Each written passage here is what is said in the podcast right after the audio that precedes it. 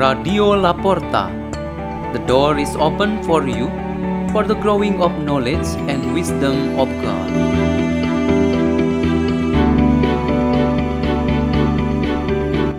by Peter Tukan SDB, priest of the Salesians of Don Bosco.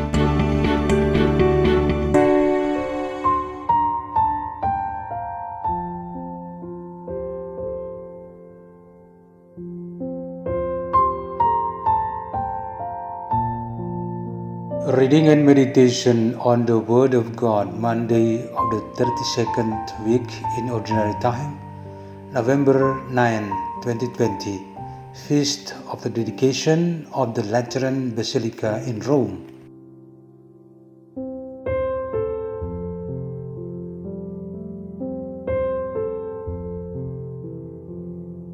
The reading is taken from the Holy Gospel according to John. Since the Passover of the Jews was near, Jesus went up to Jerusalem. He found in the temple area those who sold oxen, sheep, and doves, as well as the money changers seated there. He made a whip out of cords and drove them all out of the temple area with the sheep and oxen, and spilled the coins of the money changers and overturned their tables. And to those who sold doves, he said, Take this out of here, and stop making my father's house a marketplace. His disciples recalled the words of Scripture Zeal for your house will consume me. At this, the Jews answered and said to him, What sign can you show us for doing this? Jesus answered and said to them, Destroy this temple, and in three days I will raise it up. The Jews said, This temple has been under construction for 46 years, and you will raise it up in three days?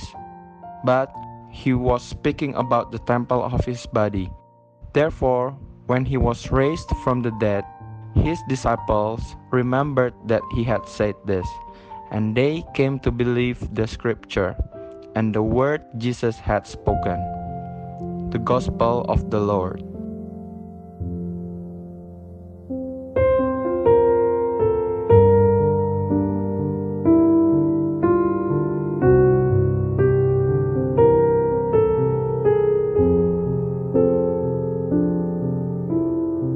Our meditation today has the theme Feeling Uncomfortable if the Church is Dirty. Today, the entire church commemorates the blessing of the Lateran Basilica, which is also known as St. John Lateran Basilica. This basilica is one of the four largest churches in Rome, Italy. This basilica serves as the cathedral of the Bishop of Rome, the Pope. This basilica is visited daily by pilgrims from all over the world, as are other basilicas in Rome and elsewhere in Italy or abroad. There was one time, among the pilgrims, there were two kids, a brother and his sister, who were taking the holy water in a vessel just at the entrance to the basilica.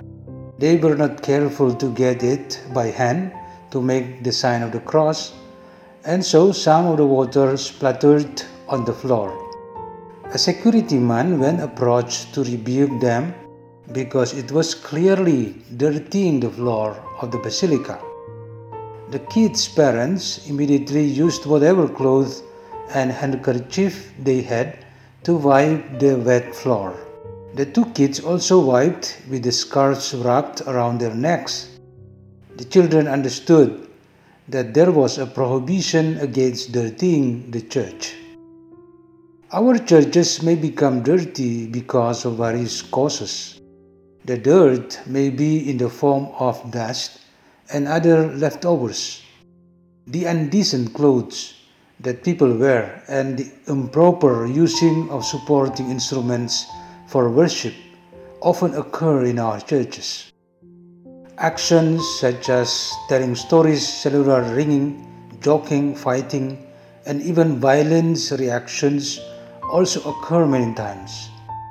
Then the sinners who have not been forgiven would give us the profile of our dirty church from the spiritual point of view. The house of the Lord certainly cannot be seen beautiful, peaceful, dignified, and holy if all these kinds of dirt are found there. Jesus indeed found in it all kinds of dirt. He was burnt by the demand to cleanse the house of the Lord from all kinds of dirt. His anger burst strongly. We, as his followers, will also be burnt by the same demand when we know that our churches or houses of worship are full with all kinds of dirt. Jesus actually intended to define the house of the Lord as his own body.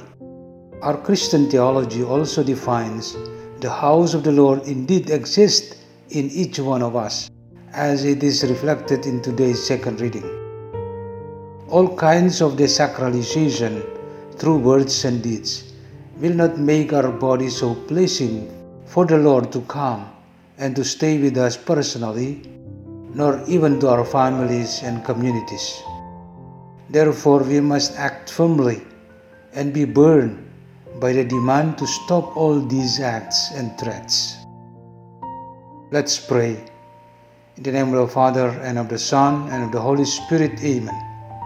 O Lord, increase the zeal of our faith so that we can preserve with responsibility the purity of ourselves as the houses you choose to dwell. Hail Mary, full of grace, the Lord is with you. Blessed are you among women, and blessed is the fruit of your womb, Jesus.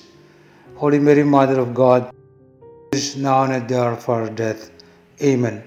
In the name of the Father, and of the Son, and of the Holy Spirit. Amen. Radio La Porta. The door is open for you.